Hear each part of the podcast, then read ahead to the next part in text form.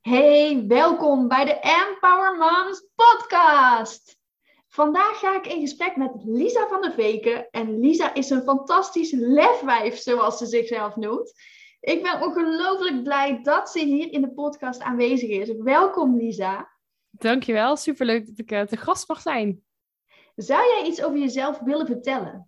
Nou, ik ben Lisa, Lisa van der Veken, volledig. En um, ik ben heel veel en tegelijkertijd ook helemaal niks, maar ik ben vooral heel erg mezelf. Dus dat, uh, dat is altijd een beetje hoe ik uh, tegenwoordig mezelf introduceer. Ik uh, ben moeder van twee kindjes. Jens is op het moment vier en Gijs is bijna twee. Um, en in het dagelijks leven ben ik werkzaam als lefwijfcoach. En daarnaast ook als docent aan de hogeschool verpleegkunde. En tegelijkertijd denk ik ook dat al die dingen helemaal niks zeggen over mij, over wie ik ben. Um, maar goed, dat, dat zullen we zo meteen, uh, dat, dat zul je zo meteen misschien nog wel iets meer uh, over horen. Ja, ja, mooie introductie inderdaad. Je hebt twee kinderen. En um, ja, hoe ervaar jij het moederschap? Nou, nu vind ik het heel leuk. En soms wil ik ze nog wel op marktplaats zetten om ze gratis af te laten halen. Maar uh, ja, ik kan er inmiddels heel erg van genieten. Ja, want je zegt inmiddels. Mm -hmm. hoe was dat in het begin? Ja, nou, ik zeg niet voor niks inmiddels natuurlijk. Um, want in het begin was dat alles behalve het geval.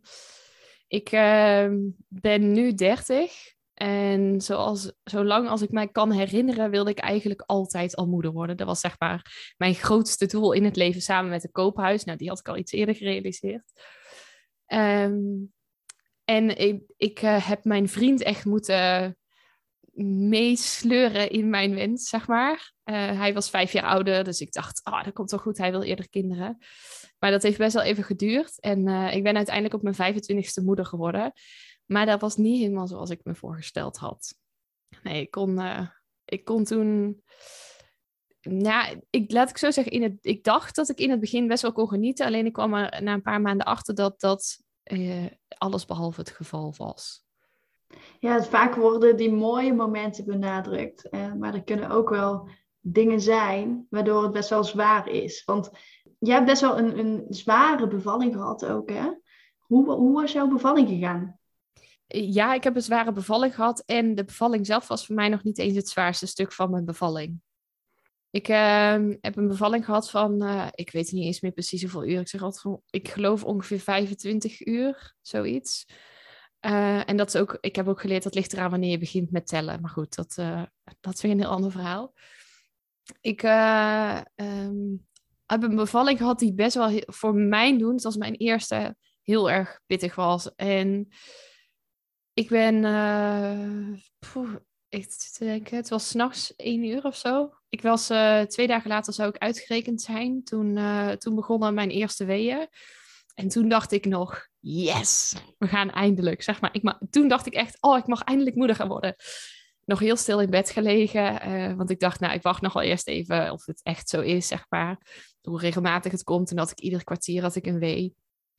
En ik heb na drie kwartier uiteindelijk Menno wakker gemaakt. Omdat mijn vliezen toen al braken. Het was twee uur s'nachts. En ons kindje is uiteindelijk de volgende nacht om drie uur geboren. Dus daarom ongeveer 25 uur. Wat het voor mij in het begin heel erg pittig maakte, was dat um, nou, om twee uur waren mijn vliezen gebroken. We hebben toen ook de verloskundige gebeld. En die zei, ik kom er zo aan.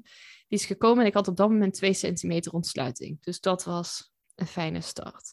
Alleen zij ging toen weer naar huis, want ik had nog maar twee centimeter en het ging allemaal nog best wel prima. En ze kwam rond een uur of vijf s morgens weer terug.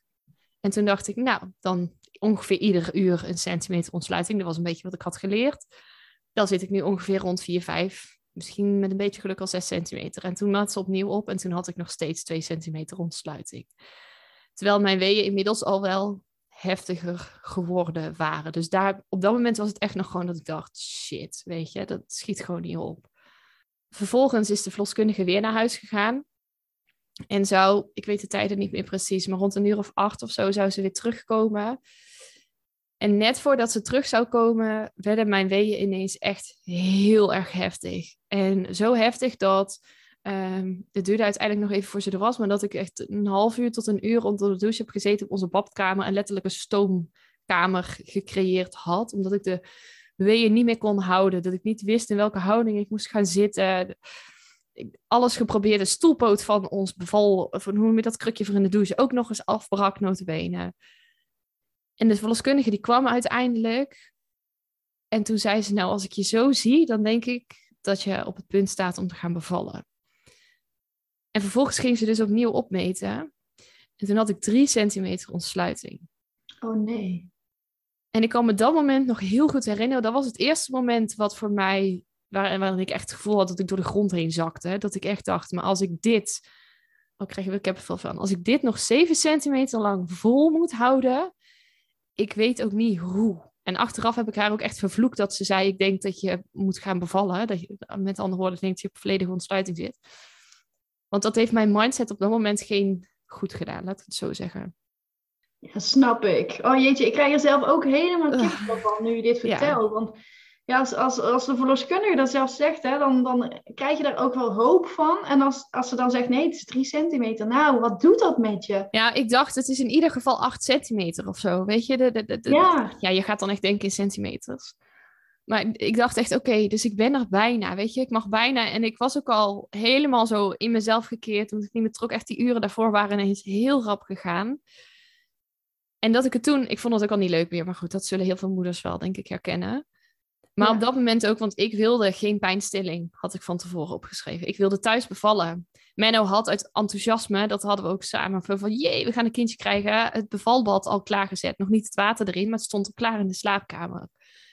En op dat moment was voor mij, viel eigenlijk die hele droom van het thuisbevallen, wat ik zo heel graag wilde, dat viel in duigen. Want ik dacht echt, ja, ik weet niet, als ik hier zo moet blijven zitten, dan ga ik gewoon niet trekken, dan red ik niet. Dus toen was eigenlijk de keuze, ja, of ik blijf hier zo in zitten, of ik ga naar het ziekenhuis en ik ga toch een ruggenprik halen.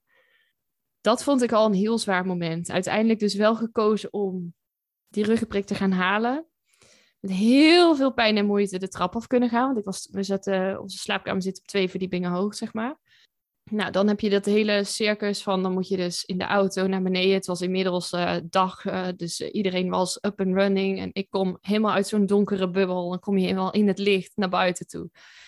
Daar had ik al heel veel moeite mee. Maar onderweg naar het ziekenhuis, was een ritje van ongeveer 10 minuten, kwartier, vielen mijn weeën bijna weg waar ik eerst hele intense weeën had, heb ik op weg naar het ziekenhuis één of twee weeën gehad. En ze kwamen al iedere minuut. Dus dat, toen dacht ik, dit is, niet, dit is niet helemaal goed, zeg maar. Komen aan bij het ziekenhuis en dan nou ja, ze, word je in de rolstoel gezet. Je wordt heel snel naar de, naar de afdeling geleid.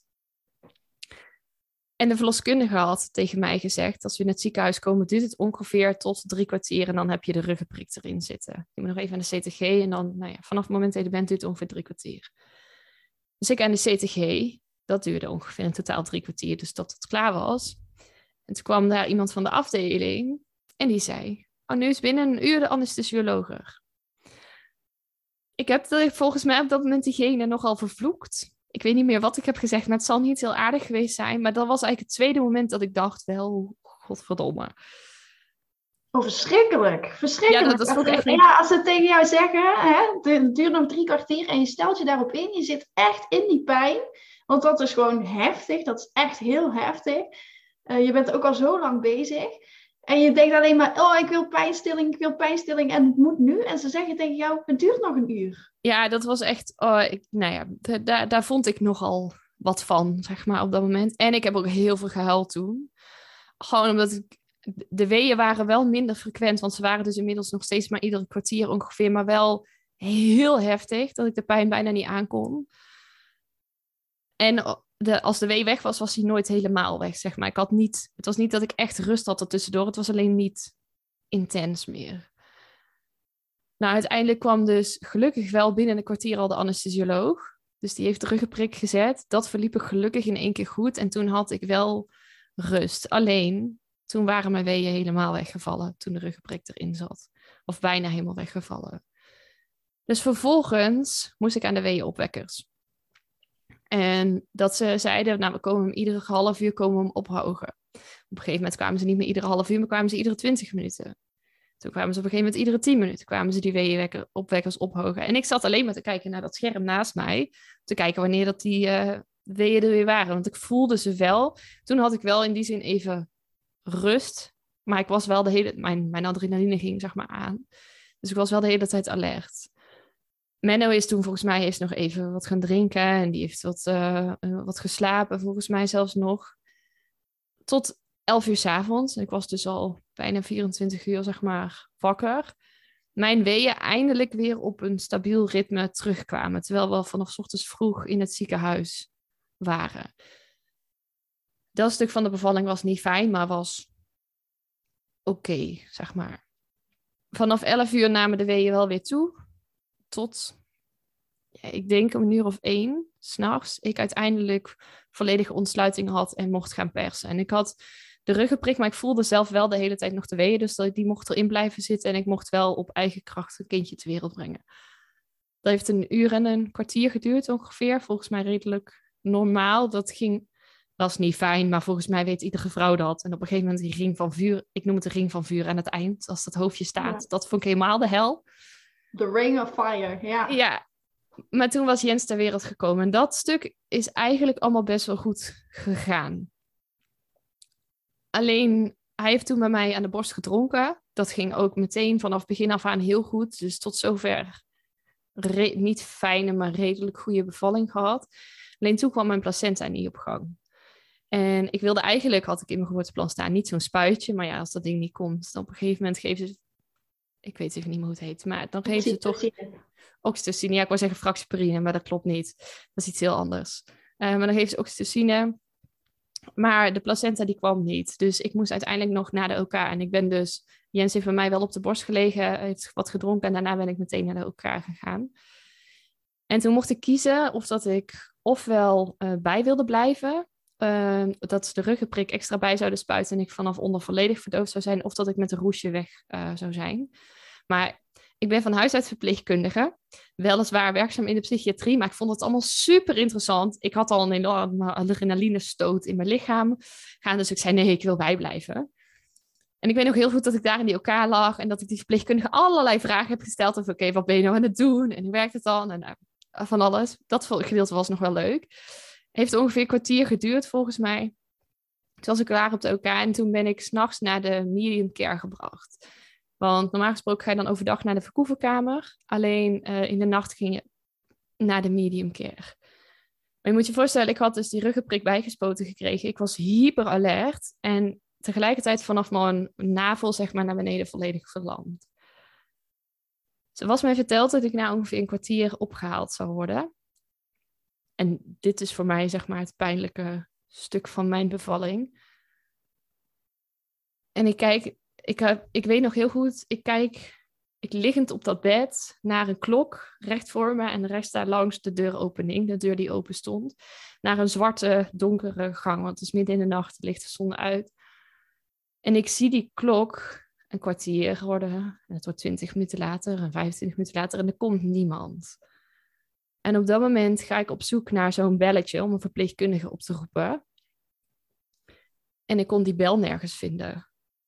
Ik had geen bel om iemand op te roepen naast mij liggen. Dus op dat moment ben ik gaan roepen of er iemand naar mij toe wilde komen en er kwam niemand. En het werd een half uur later en ik bleef gillen. En dat werd drie kwartier later en het werd een uur later en uiteindelijk een uur en een kwartier lang. Ik heb een uur lang naar die klok liggen kijken. Dus in totaal vanaf na dat eerste kwartier. Ah. heb ik naar die klok liggen kijken en liggen gillen in die gang. Of er alsjeblieft iemand kwam, maar er kwam niemand. En ik dacht alleen maar, er is iets met mijn kind aan de hand. Mijn kindje gaat dood of zo, weet je. Ik was al zo lang wakker. Nou, je, dan op een gegeven moment, je gaat de ergste dingen in je hoofd halen. Want waarom komen ze mij niet ophalen? Wat is er in hemelsnaam aan de hand? Zo machteloos moet je je gevoeld hebben. Ja, en je, ik ben echt ook gewoon gaan proberen of ik mijn tenen kon wiebelen. Of dat ik met mijn handen mijn benen kon aanraken. En dat ik iets voelde. Ik heb mijn hele lijf afgetast voor zover ik kon. Maar ik kon niet uit bed. Ik had geen knop en er was niemand. Dus ik kon letterlijk gewoon geen kant op. Vreselijk. En, vreselijk. daar, oh, ja, daar heb ik later heel veel last van gehad. Ja, maar wat, wat slecht dat ze ook geen belletje bij jou neer hebben gelegd. Ja, en tegelijkertijd werk, weet ik ook waar mensen werken, worden fouten gemaakt, zeg maar. Maar ik heb daar, ik heb daar later nog wel een heel goed, pas toen Jens een jaar oud was, want eerder kon ik het niet, um, heb ik nog wel een heel goed gesprek over gehad. En ik weet dat dat soort dingen kunnen gebeuren, maar het had op dat moment het was het slechtst mogelijke wat mij had kunnen gebeuren, zeg maar, op dat moment. Ja, ja je wilt naar je kind. Jij ligt daar in je eentje, je kunt je bed niet uit. Want je hebt een ruggenprik. En je weet niet wat er allemaal aan de hand is. Je kunt niemand bereiken. Nee, Oh. en zelfs met gillen, niemand kwam. Nee, ik kan me niet voorstellen hoe jij je gevoeld moet hebben. Ja, heel, heel naar. Dat, ja. Ja. En het enige wat ik nog heel goed kan herinneren is dat ik mijn hele lijf af heb geprobeerd te porren, dat ik heb lopen gillen. En dat beeld van die klok met daarnaast die open deur, waarin het zo donker was. Dat is echt wel volgens mij altijd in mijn geheugen gegrift. Ik kan er nu over praten, maar ik heb dit dus zelfs een tijd na de bevalling me niet eens kunnen herinneren dat het er was, omdat ik het zo ver weg geblokt had. Ja. ja, ik kan me helemaal voorstellen dat het zoveel impact op je heeft gemaakt. Dat moment. Dat, je bent net bevallen en dan gebeurt er dit. Ja, dus als mijn bevalling was niet fijn. Weet je, en die momenten ook waar ik er straks over vertelde, dat was niet fijn. Maar dit was voor mij het trauma, of hoe je het ook maar wilt noemen. Dit is waar ik het allermeeste last van heb gehad. En dat Ja. had niks te maken letterlijk met de geboorte, maar met het stuk daarna. Ja. En hoe, hoe ging het toen? Want, want is er uiteindelijk dan iemand naar je toegekomen? Of Ja, uiteindelijk ben ik opgehaald. En volgens mij heb ik nog wel gevraagd van, joh, wat was er? En dat ze iets mompelde over een spoedgeval. Maar ik kan me dat stuk dus niet zo heel goed herinneren. Ehm, ik weet wel, ik kwam toen op de kamer. Eh, en dat Jens, die lag toen in het bedje naast mij te slapen. Maar dat ik gewoon, ik stond nog zo aan. Ik weet nog heel goed dat ik gewoon niet kon slapen. En op een gegeven moment, Menno is naar huis gegaan om zelf nog te kunnen rusten. Dat ik gevraagd heb om van de kamer te halen. Want ik hoorde ieder geluidje, ieder piepje, ieder dingetje. Met het idee dat als hij weg was, dat ik wel in slaap zou vallen. Nou, dat gebeurde natuurlijk niet. Want het was toen vier uur, half vijf s'nachts of zo. En ik weet vooral nog dat daarna om een uur of zeven dat, eh, eh, dat, ik, eh, dat ik de verpleegkundige opliepte van joh, ik weet niet, maar hij zal ergens wel weer een keer honger hebben of zo. Moet hij niet weer even terug? En daarna de dag begonnen is en dat bezoek is gekomen en ik vooral meegegaan ben in de rush van de kraamweek daarna. En heb je er eh, toen over gepraat, over wat er toen is gebeurd? Of heb je het vooral ook voor jezelf gehouden? Ik heb er helemaal niet over gepraat toen nog. Maar ook alleen maar, ik was alleen maar gefocust op Jens, de oudste. Ehm, en me niet eens bezig gehouden met dat ik erover zou moeten praten. Sterker nog, de verloskundige heeft denk ik in de kraamweek wel drie keer gevraagd over hoe ik het heb ervaren en hoe het was geweest. Maar ik heb nooit verteld over dit moment. Maar ik kan het me ook, wat ik net zei, het me ook niet echt bewust kunnen herinneren. En dat ik alleen maar dacht, ja, het, is, het was wel goed. Ik heb niet echt iets te bespreken. Dat ik er een beetje zo in zat. En ik was alleen maar gefocust op, gaat het goed met Jens? En de kraamtijd toen, hoe, hoe heb je die toen zelf ervaren? Als je er nu op terugkijkt. Ja, voor mij was het vooral één grote rush. Zeg maar, een soort stroom die never ending stops. eh, dat ging maar door. Ehm, van, van plasluier naar borstvoeding, naar weer een plasluier, weer naar de borstvoeding, naar een poepluier. Dat gevoel is een beetje wat ik erbij heb. Ik, ehm, wij zijn dezelfde dag toen nog ontslagen in het ziekenhuis. Ehm, nadat ik bevallen was. Toen zijn we opgehaald. Of tenminste, toen heeft Menno mij opgehaald en zijn we naar huis toe gegaan. En die eerste dag is volgens mij mijn moeder op bezoek geweest, nog in huis geweest. De tweede dag heb ik geen idee. De tweede nacht, op de derde nacht, toen is eh, Jens, ja, bij, dat zal jij beter weten dan ik, maar bijna gestikt nog in vruchtwater wat hij nog in zijn longetjes had. Waar we heel erg van geschrokken waren, dat hij gewoon bijna niet meer kon ademhalen. Toen in paniek de verloskundige op hebben gebeld. Oh, wat Dat- vreselijk. Ja, En, en, want er was niemand bij jullie. Jullie waren daar gewoon samen. nee, dat, nee, dat was gewoon, we hadden wel een kraamverzorgster, maar dat gebeurde s'nachts. En dan is de kraamverzorgster naar huis. En het was daar, hij maakte gekke geluidjes. eh, en hij had dus ademhalingsproblemen, maar we wisten niet waarvan. Dus we hebben toen in paniek de verloskundige nog opgebeld. En dat ze ook zei, pak hem op je, pak hem op je arm, zeg maar op zijn kop. En dat we op zijn rugje moesten kloppen. En toen kwam er toch nog wat vocht uit. En dat bleek dus waarschijnlijk, want zeker weten doen ze het niet, nog vruchtwater te zijn van de bevalling wat hij ingeslikt had, wat dus nog ergens vast zat. Oh, wat eng. Wat, wat Ja, vreselijk om te zien. Wat ging er door jou heen op dat moment? Ja, als ik je dat kon vertellen, nee, dat weet, weet ik echt niet meer. Nee. Vooral dat ik heel bang was. Ja, Ja. snap ik. Oh. En hoe, hoe is dat toen? eh, want je zei van, hè, we klopten op het rugje van, de, van eh, Jens. Voelde hij zich daarna weer beter? Ja, uiteindelijk toen nou, er kwam wat vocht uit. en uit- toen ging hij wel weer normaal ademhalen. Eh, ik geloof dat ik nog wel een uur lang zijn bedje heb gezeten toen hij, want we hebben hem toen op zijn zij gelegd. Zo van als er nog iets komt, kan het er makkelijk uit. Ehm, dat ik er wel een hele tijd bij heb gezeten. En uiteindelijk, ja, ik was ook super moe, dus ben toch gaan slapen. En even later weer eruit, want ik heb wel... Ik vond echt toen dat ik borstvoeding moest geven. Het liep bovendien als een tierenlier. Ehm, dus ja, ik moest er gewoon ook uit eh, van mezelf. Dus ik was wel iedere drie uur was ik wakker. En dan eh, Menno, toen was nog ouderschapsverlof twee dagen. Dus Menno die was na twee dagen ging die weer in het werk. En ik vond ook, hij werkt de hele dag, dus dan moet ik de zorg opnemen. Dus ik ben vooral heel veel bezig geweest ook daarin met zorgen. Ik heb zelf vrij weinig geslapen, want dat vond ik ook maar zonde van mijn tijd. En ik had wel betere dingen te doen. Is niet aan te raden.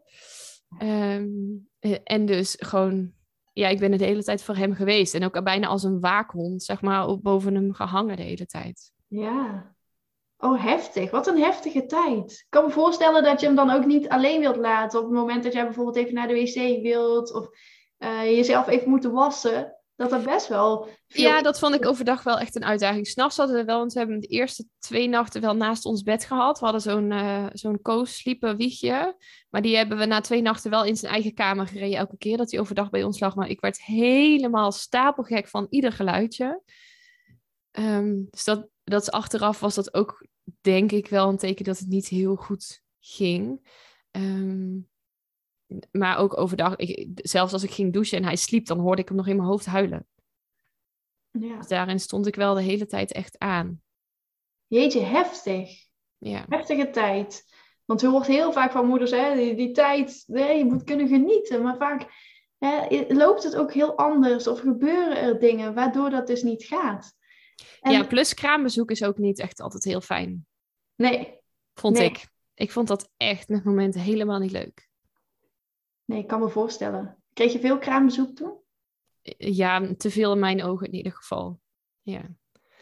Maar dat was ook, maar dat kan ik allemaal achteraf zeggen. Want op dat moment ging ik gewoon, ik zat gewoon in zo'n modus van ik moet door, zeg maar. Ehm, maar achteraf waren dat met momenten echt veel te veel prikkels. Er gewoon de geluid van alle kanten en ik kon het gewoon niet meer filteren. Ik was nog zo moe ook van die hele bevalling en dan s'nachts die gebroken nachten en dan na iedere borstvoeding niet meteen weer kunnen slapen. Zo weinig geslapen en dan, oh, dat dan vijf mensen langs je bed gaan staan tetteren. Ja, daar, daar, daar ging niet zo heel lekker.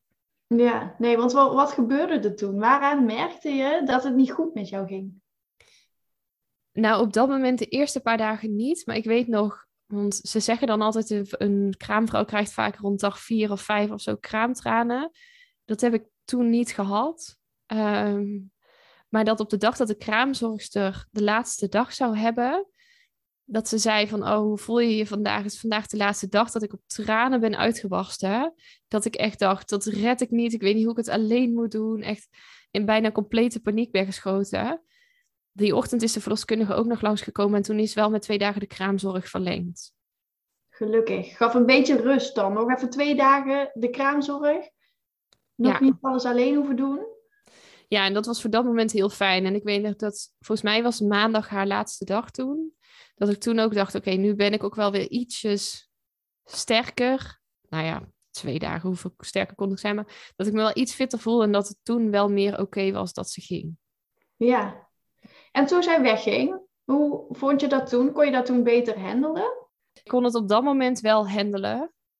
Ehm, maar ik ben ook, eh, en ook dat kan ik alleen met terugwerkende kracht zeggen, want ik kan me van, vanaf zeg maar na de kraamweek totdat ik weer aan het werk ging, kan ik me echt vrij weinig herinneren. Bewust herinneren. Daar gaat mijn microfoon. Kan ik me echt vrij weinig bewust herinneren. Omdat ik, ik denk ik gewoon heel erg in een soort overlevingsmodus heb gestaan. Eh, en alleen maar bezig was met, oké, wat heeft Jens nodig? Wat moeten we nu? Eh, en als hij ging slapen, oké, dan moet ik de was doen en dan moet ik stofzuigen. En ik was altijd wel bezig met wat er dan weer moest gebeuren. En hoe, hoe stond jouw partner erin? Dacht hij iets aan jou? Dat jij bijvoorbeeld veranderde? Of... Ja, hij zag wel dat ik veranderde. Maar het was ook ons eerste kindje. Dus we dachten, dit hoort erbij. Gebroken nachten, slapen niet veel, ik ben meer moe. Uh, dus dat, en ik heb ook nog allemaal hormonen van de bevalling. Ik geef nog borstvoeding. Daar schoven we het ook de hele tijd op. We zullen wel gewoon, ik ben heel erg moe. En hij was natuurlijk wel gewoon ook 40 uur in de week. Want dat is nog voor corona. Hij was gewoon 40 uur in de week aan het werk. Ja, ook heel pittig. Ja, gelukkig is nu het vaderschapsverlof wat verlengd. Want twee dagen is natuurlijk echt super kort. Ja. Uh, ja, bizar. Eigenlijk zou een man ook gewoon net zo lang thuis moeten zijn als een vrouw, zeg ik altijd. Eigenlijk wel. Ja, want er verandert gewoon ook voor een partner superveel. En wat was voor jou het moment dat je dacht van, hoe, dit hoort er niet bij. Ik ervaar bepaalde dingen die misschien niet helemaal kloppen. Ja, dat moment kwam van mij eigenlijk nog pas, pas veel later. Um, want ik ben met uh, drie, toen Jens drieënhalve maand oud was, ben ik gewoon weer aan het werk gegaan uh, in de psychiatrie als verpleegkundige. Wat ik me nog wel heel erg kan herinneren van dat moment dat ik heel erg aan het worstelen was met de borstvoeding. Dat Jens niet meer wilde aanhappen en dat dat een van de dingen was waar ik de hele dag over kon hebben. Uh, maar ook daarbij werd gedacht, nieuwe moeder, zeg maar. Um, tot op het moment dat Jens uh, een maand of vijf oud was. Ik merkte al wel dat het niet meer, dat ik me niet super lekker voelde. En toen op een gegeven moment hadden we een bijeenkomst van, van het werk in de kapel op het terrein. En toen vertelden we, terwijl we daar zaten te luisteren naar, ik weet al niet meer waarover, een verhaal. Toen vertelde een collega van mij, met wie ik het beste op kon schieten van de hele afdeling, die vertelde mij dat ze een andere baan had.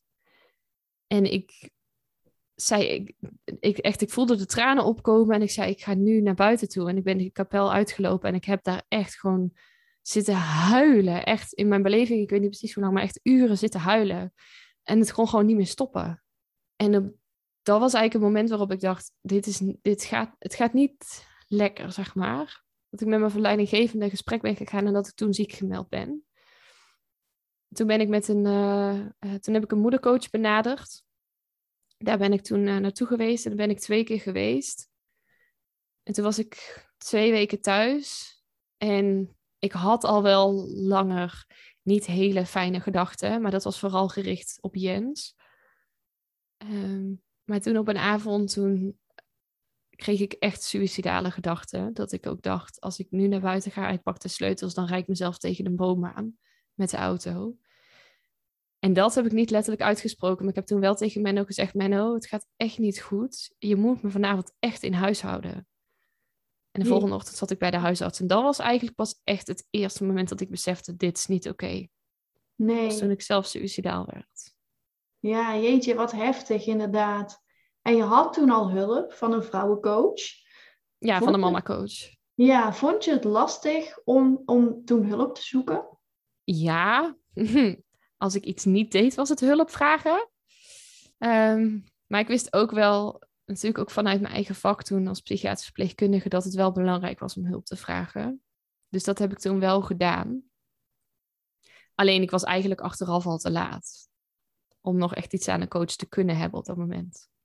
Ja, want durfde je met haar te bespreken dat je die gedachte had? Nee, ja, toen had ik nog niet suïcidale gedachten. Wel dat het heel slecht ging. Ik weet nog, ik moest op zo'n. Uh, moest mezelf een cijfer geven tussen de 1 en de 10. En um, ze had letterlijk in de ruimte had ze cijfers neergelegd, oplopend op zo'n soort ladder, zeg maar, van 1 tot 10. En moest ik gaan staan hoe ik voelde. En ik ben toen op een 3 gaan staan. Dus dat was al een teken dat het echt niet goed ging. Maar wat zij zei is, weet je wel welke kant je opkijkt? En ik stond zeg maar richting de 1, richting de afgrond. Ja. Dat ik alleen maar dacht, het kan alleen maar slechter worden. Dus ik voelde al wel aan dat het niet goed ging. En ze, we hebben ook echt wel gesprek gehad um, daarover. Maar het was al wel zo ver opgelopen dat ik eigenlijk te laat was om echt om hulp te vragen. En, en toen jij dat zei, hè, van, van tegen mijn man. Ja, we zijn nooit getrouwd, dus we zijn nog samen, is nog steeds mijn vriend. Ja. ja, toen je dat zei tegen je partner, van uh, hè, je moet me thuis houden, um, want het gaat echt niet goed met me. Hoe reageerde hij daarop? Ja, gelukkig wel redelijk rustig. En dat hij ook zei, oké, okay, maar dat is... Ik weet niet meer precies wat hij zei, want ook dat kan ik me niet heel goed herinneren. Maar wel, we hebben die avond film gekeken. Um, en wel besproken dat ik daarna naar de huisarts zou gaan. En de volgende ochtend om acht uur heb ik de huisarts gebeld en kon ik meteen terecht. Hoe voelde dat voor jou om dat zo tegen je huisarts te zeggen? Ik vond het verschrikkelijk om te zeggen en tegelijkertijd voelde het ook alsof ik niet anders kon. Het waren op dat moment gedachten die ik over mezelf had, maar ik had al langer gedachten en dat is een beetje ingeslopen. Ik denk vanaf dat Jens drie, vier maanden oud was, maar ik weet het niet precies. Maar dat ik hem wat aan wilde doen. En dat werd ook steeds sterker. Dus het was wel echt een optelsom van. Ja, heftig.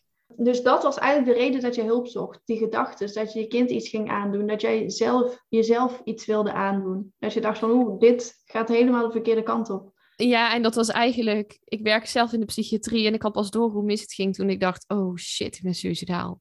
Dat is niet oké. En alle signalen daarvoor dus ook gemist.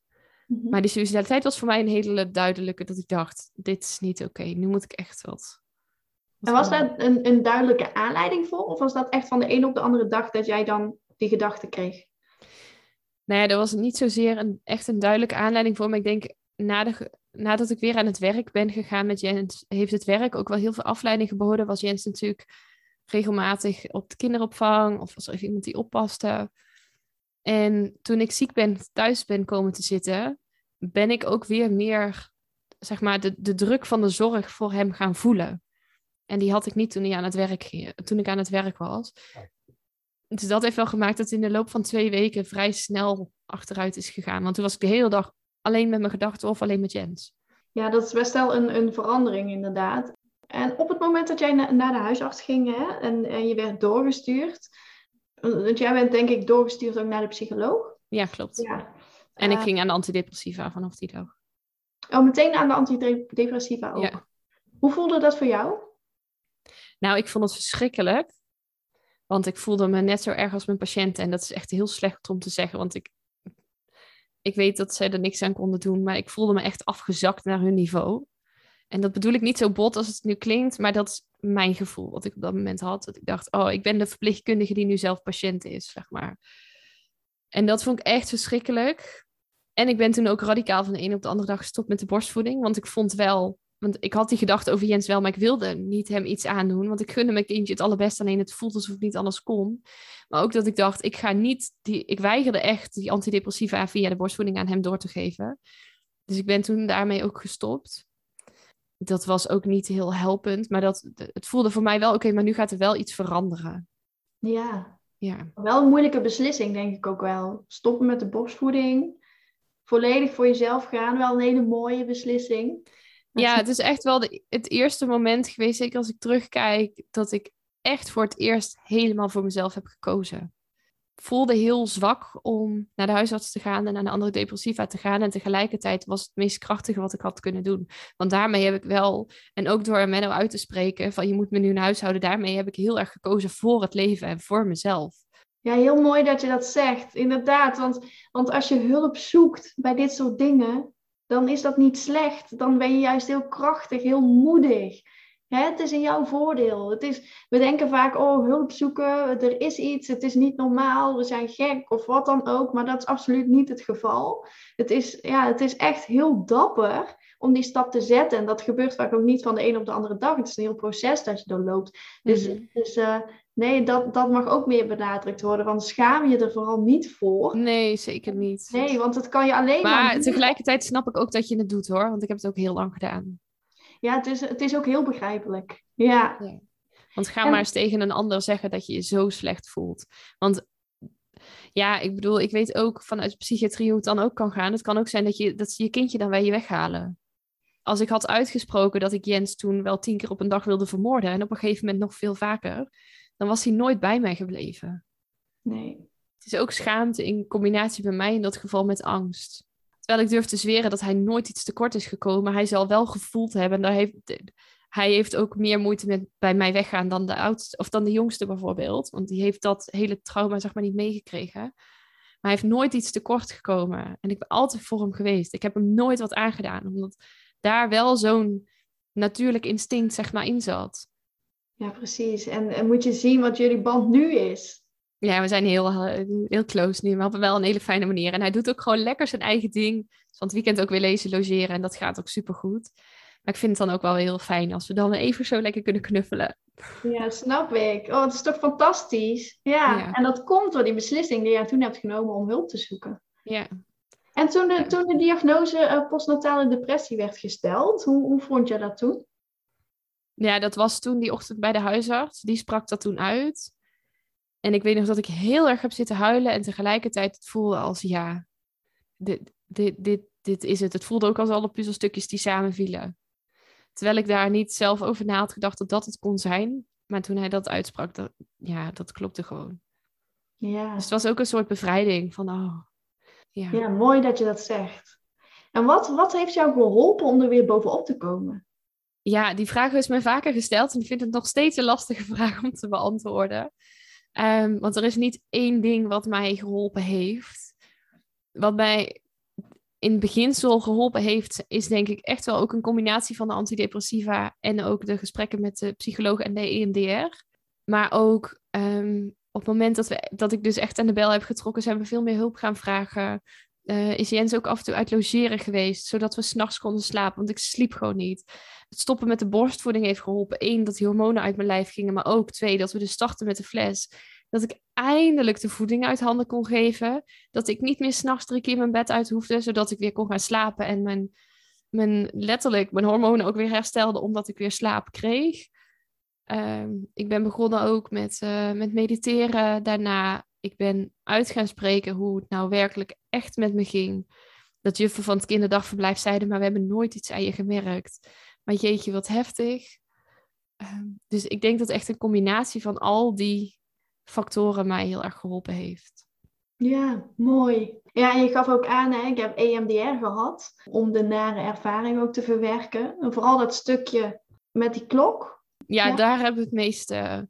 En dat is ook pas, ik ben me dat dus weer gaan herinneren ehm, door gesprekken met de psycholoog, omdat zij vroeg naar, maar hoe is je eigenlijk je bevalling geweest? Uh, en, en hoe is het dan daarna gegaan? Eigenlijk wat jij net nu vroeg. Toen ineens dacht ik, oh mijn god. Weet je, en toen kwamen ik alle beelden terug. Dat was ook niet fijn overigens, want dat heeft voor hele nare nachtmerries ook gezorgd. Ik heb ook of gezorgd. Ik heb ook nog EMDR gehad op echt, ik heb in oorlogssituaties gezeten, in mijn nachtmerries, weet ik het al. Maar daar heb ik ook EMDR nog op gehad. Maar ook op letterlijk dat ik gewoon op Jens, eh, met Jens op bed zat. Dat ik naar hem keek en in mijn gedachten gewoon Jens al tien keer uit het raam gegooid had. Dat ik hem bij het gepakt had en ik had hem eruit gegooid. Op die beelden heb ik ook EMDR gehad. En, en na hoeveel tijd voelde je je echt beter? Had je het gevoel van, yes, het gaat weer goed? Oh, ja, dat, is, dat is wel een verschil, hè? Je beter voelen of het goed voelen. Ehm, want dat het weer wat beter ging, is denk ik na een maand of drie, vier geweest. Uh, en dat ik me goed voelde, was rond Jens' eerste verjaardag. Net daarvoor. Ja, best een tijd inderdaad. Uh, ja, ja, hij zette op een gegeven moment... Uh, Jens liep voor zijn eerste verjaardag. Hij zette net na de kerst, op derde kerstdag, zette hij zijn eerste stapjes. En dat ik toen voor het eerst kon voelen dat ik van hem hield. Dat was voor mij wel echt een teken dat ik dacht, oh, het gaat echt weer goed. Ja. Wat mooi. Ja, zo'n kippenvel moment. Ja, en ik kan daar nog steeds tranen, nu ook weer tranen van in mijn ogen krijgen. Gewoon en het besef tegelijkertijd ook dat het bijna een jaar heeft geduurd tot ik voor mijn kindje kon houden. Maar dat ik het toen voor het eerst kon voelen. In plaats van dat ik. Want ik zei wel tegen hem: Ik hou van jou. Maar ik voelde het nooit. En toen kon ik het voelen. Dat was voor mij wel echt een teken dat het weer goed ging. Oh, wat mooi. Wat mooi dat je dat noemt. Ja. Ja, ja want inderdaad, heel veel moeders die zoiets hebben meegemaakt. Of die, het, ja, heel, veel, heel erg moeten wennen aan het moederschap. Die ervaren dat. Die vinden dat lastig ook om een band op te bouwen. En weet dat dat ook kan komen. Ja, ook daar mag meer bekendheid voor komen. Ja. en ik zou hem nu voor geen goud weer willen wissen hoor. Nee. Dus dat, die band, dat is helemaal goed gekomen. Ja. ja. Wauw. Ja. En ik wil hem nooit meer uit het raam gooien. Soms wel achter de bank plakken, wat ik niet heb. Maar ook dat heb ik inmiddels geleerd. Want ik dacht dat dat dus alleen van mijn depressie was. Maar er zit ook enige nuance dat je dat soort dingen soms ook kan doen. Terwijl je gewoon moeder bent. En je af en toe denkt, rot op. Ja ja, even niet. Maar daarna weer kan denken, oké, kom maar hier schatje. Het is goed. Ik ben weer gekalmeerd. Ja, en dat mag er allemaal zijn, hè? En, maar je hebt ook je hebt twee kinderen. Hoe vond je het om daarna weer zwanger te zijn? Na alles wat je had meegemaakt? Ja, ook die vraag is dan bijna altijd het vervolg. Ehm, ja, en dat vond ik heel spannend. Vooral, en dat was vooral vanwege de bevalling. Uh, wat ik uh, daarin heel spannend vond, hoe dat zou gaan. Ehm, maar ik had op een gegeven moment wel heel sterk de wens. En dat was best wel snel. En dat vond vooral mijn vriend heel spannend. Uh, nadat het weer beter ging. Want ik ben ehm, eh, in januari toen ben ik gaan afbouwen. Dus toen Jens net een jaar oud was, ben ik gaan afbouwen met de antidepressiva. Omdat ik me ook sterk genoeg weer voelde. En ik ook wist vanuit mijn achtergrond, het werkt verslavend. Dus ik wil het gewoon, ik wil ermee stoppen. Dat heeft wel tot aan mij geduurd om daarmee af te kunnen bouwen. Want dat gaat ook niet van de een op de andere dag. En ik was in mei gestopt met de antidepressiva. En ik geloof dat ik in juni of in juli heb gezegd. En ik zou wel heel graag een tweede willen. En dat mijn, mijn moeder, mijn vriend, collega's ook zeiden: Lisa, je bent net weer op de been. Weet je het wel zeker? Weet je, want voor hetzelfde geld gaat het heel snel weer mis. Het gaat net stabiel. Wacht nou even een tijdje. Maar misschien herken je dat wel als vrouw. Op een gegeven moment heb je gewoon, ja, ze noemen dan rammelende eierstokken. Klote term, maar goed. Ik wil gewoon zo graag nog een kindje. En ik wist ook, ik wil het niet dat, dat de kindjes vier, vijf jaar uit elkaar verschil zitten. Dat, dat was dan ook iets. Nou, ik zou het wel fijn vinden als ze redelijk samen nog op konden groeien. In die zin dat, ze, dat de leeftijden niet heel ver uit elkaar lagen. En ik voelde gewoon, ik wil gewoon heel graag een tweede. En niet om het te herkansen of om het beter te doen. Ik wilde gewoon heel graag nog een kindje. En ik wilde ook alles behalve dat Jens enig kind zou zijn. Toen heb ik wel heel veel gesprekken gevoerd, ook ehm, met mensen om me heen. Vooral met Menno, want ja, hij moest het natuurlijk wel samen met mij doen. Uh, niet alleen om een kindje te krijgen, maar ook de periode daarna. Maar ik ben ook met de verloskundige in gesprek gegaan, um, voorafgaand dat ik zwanger werd. Want ook hoe groot is de kans dat dit zich herhaalt? Um, zowel qua depressie als ook hoe groot is de kans dat bijvoorbeeld een placenta weer niet komt, dat de bevalling weer moeilijk gaat. Waarbij we wel tot de conclusie kwamen dat, uh, want ik had wel heel graag nog steeds, dan wil ik ooit thuis bevallen, dat uh, er wel wat haken en ogen daaraan zaten. Want als eenmaal je, je placenta niet goed is gekomen, is de kans dat dat weer gebeurt ik geloof 1 op 13 of zo. Maar dat is voor het ziekenhuis al een te grote kans dat ze eigenlijk liever hebben dat je in het ziekenhuis bevalt. Maar goed, daar hebben we wel afspraken over gemaakt. En ze heeft ook nagevraagd toen zelfs nog bij het ziekenhuis van oké, ze wil heel graag thuis bevallen, want ze wil alles behalve dat dat trauma zeg maar opnieuw opgerakeld wordt. Was voor mij ook een van de redenen waarom ik graag wil, opnieuw thuis wilde proberen. Um, zouden jullie er oké mee zijn dat jullie weten dat ze dan thuis zou bevallen als ze weer zwanger zou worden? En dat ze eventueel met de ambulance in het ziekenhuis zou moeten, mocht het niet gaan. Dat is allemaal afgestemd voor ik überhaupt mijn spiraaltje verwijderde, want die had ik op dat moment. Oh, wat en... goed dat je dat zo hebt, hebt uh, besproken en ook echt je wensen kenbaar hebt gemaakt. Van tevoren ja. al. Ja, ik had wel geleerd. Ja. Alles wat ik meegemaakt had. Ja, ik heb echt heel erg uitgesproken wat ik wilde, wat ik nodig had. Maar vooral ook met het idee, ik wil alle randvoorwaarden creëren. Dat ik op een fijne manier uh, weer moeder zou kunnen mogen worden. Ja. Maar ook gesprekken met, uh, met mijn moeder, met mijn schoonouders, dat we eventueel Jens wat vaker uit logeren konden doen. Of dan de kleine eventueel. Weet je, dat er al mogelijkheden waren dat als het niet goed zou gaan, dat ik niet dan nog een plan zou hoeven te maken. Plus ook toen al research gedaan naar een doula voor beide bevalling, voordat ik zwanger werd. Uiteindelijk, uh, want ik was de eerste keer, uh, had ik ook een spiraaltje, was ik zwanger voordat ik weer ongesteld moest worden. En we wisten ook dat de kans groot zou zijn dat als ik hem eruit haal, dat het weer zou gebeuren.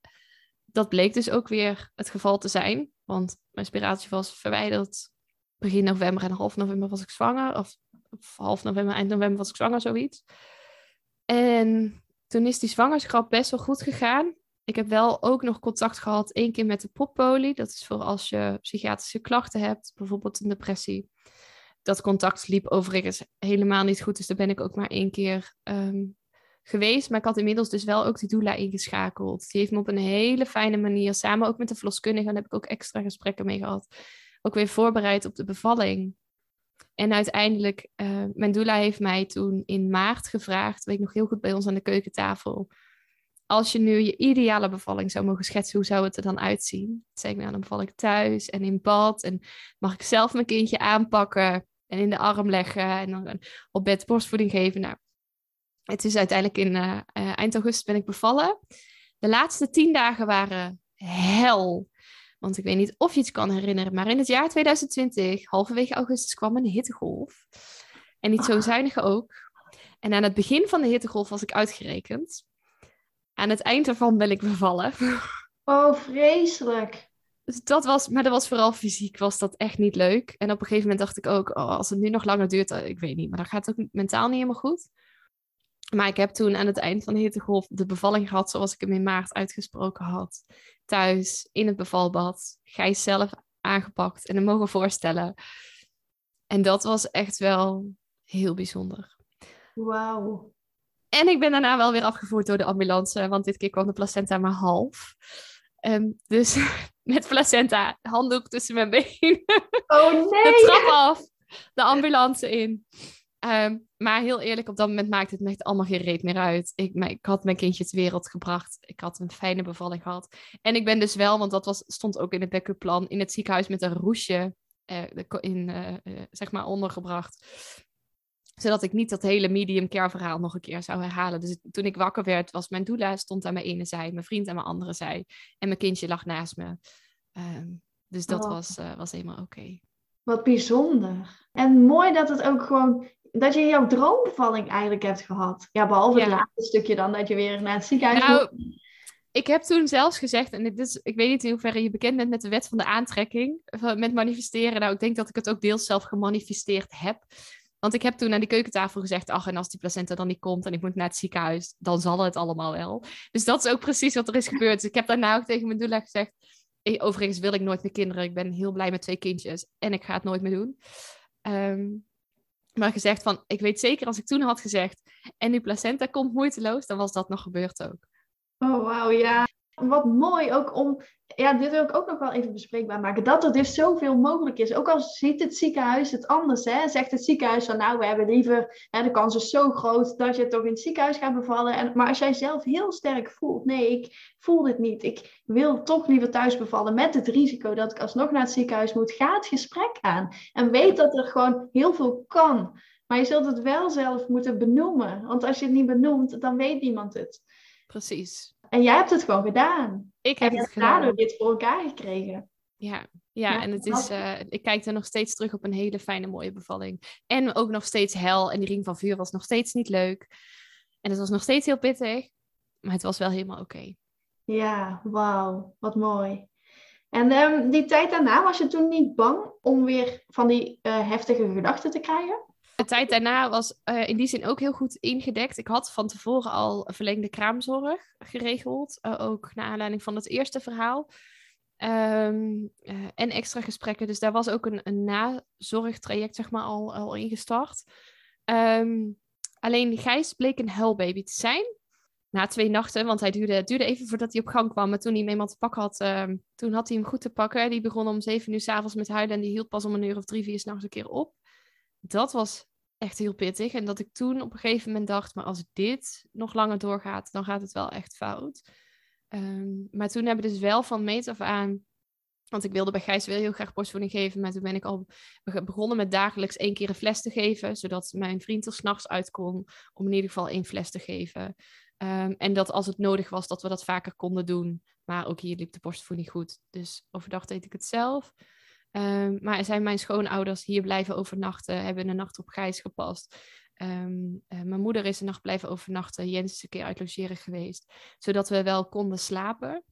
Eh, plus, eh, ik ben met Gijs toen ook meteen naar de osteopaat geweest. Dat werkte niet. Uiteindelijk had ik na twee weken een chiropractor gevonden.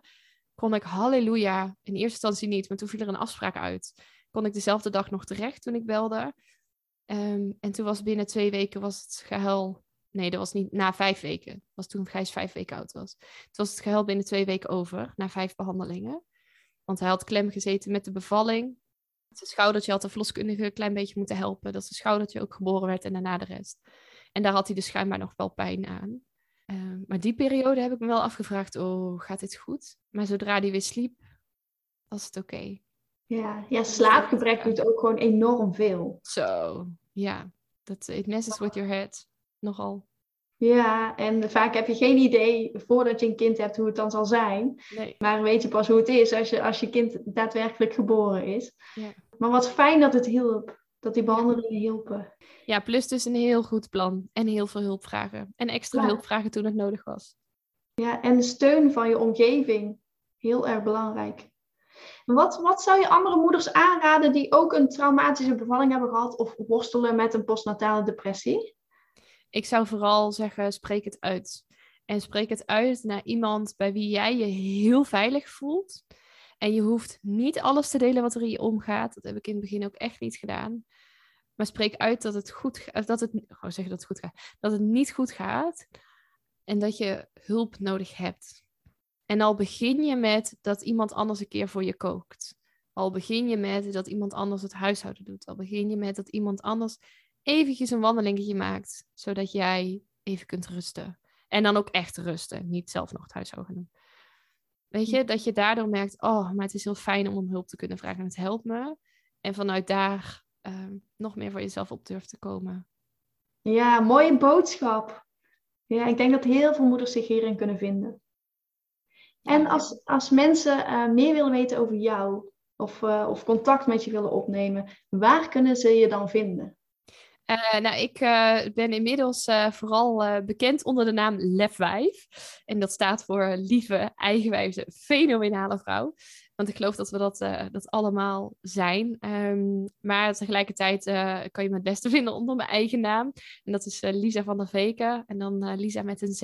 Maar dat zul je misschien ook wel ergens in de titel of in de show notes erbij zetten. Um, en daar ben ik te vinden op Instagram en, en op mijn website ik moet er wel bij zeggen, en dit is niet uh, omdat ik het niet aan wil horen, of niet omdat ik niet met je mee wil leven, maar deel niet jouw verhaal, of ga niet al je verhalen met mij delen als je denkt, oh, ik herken het.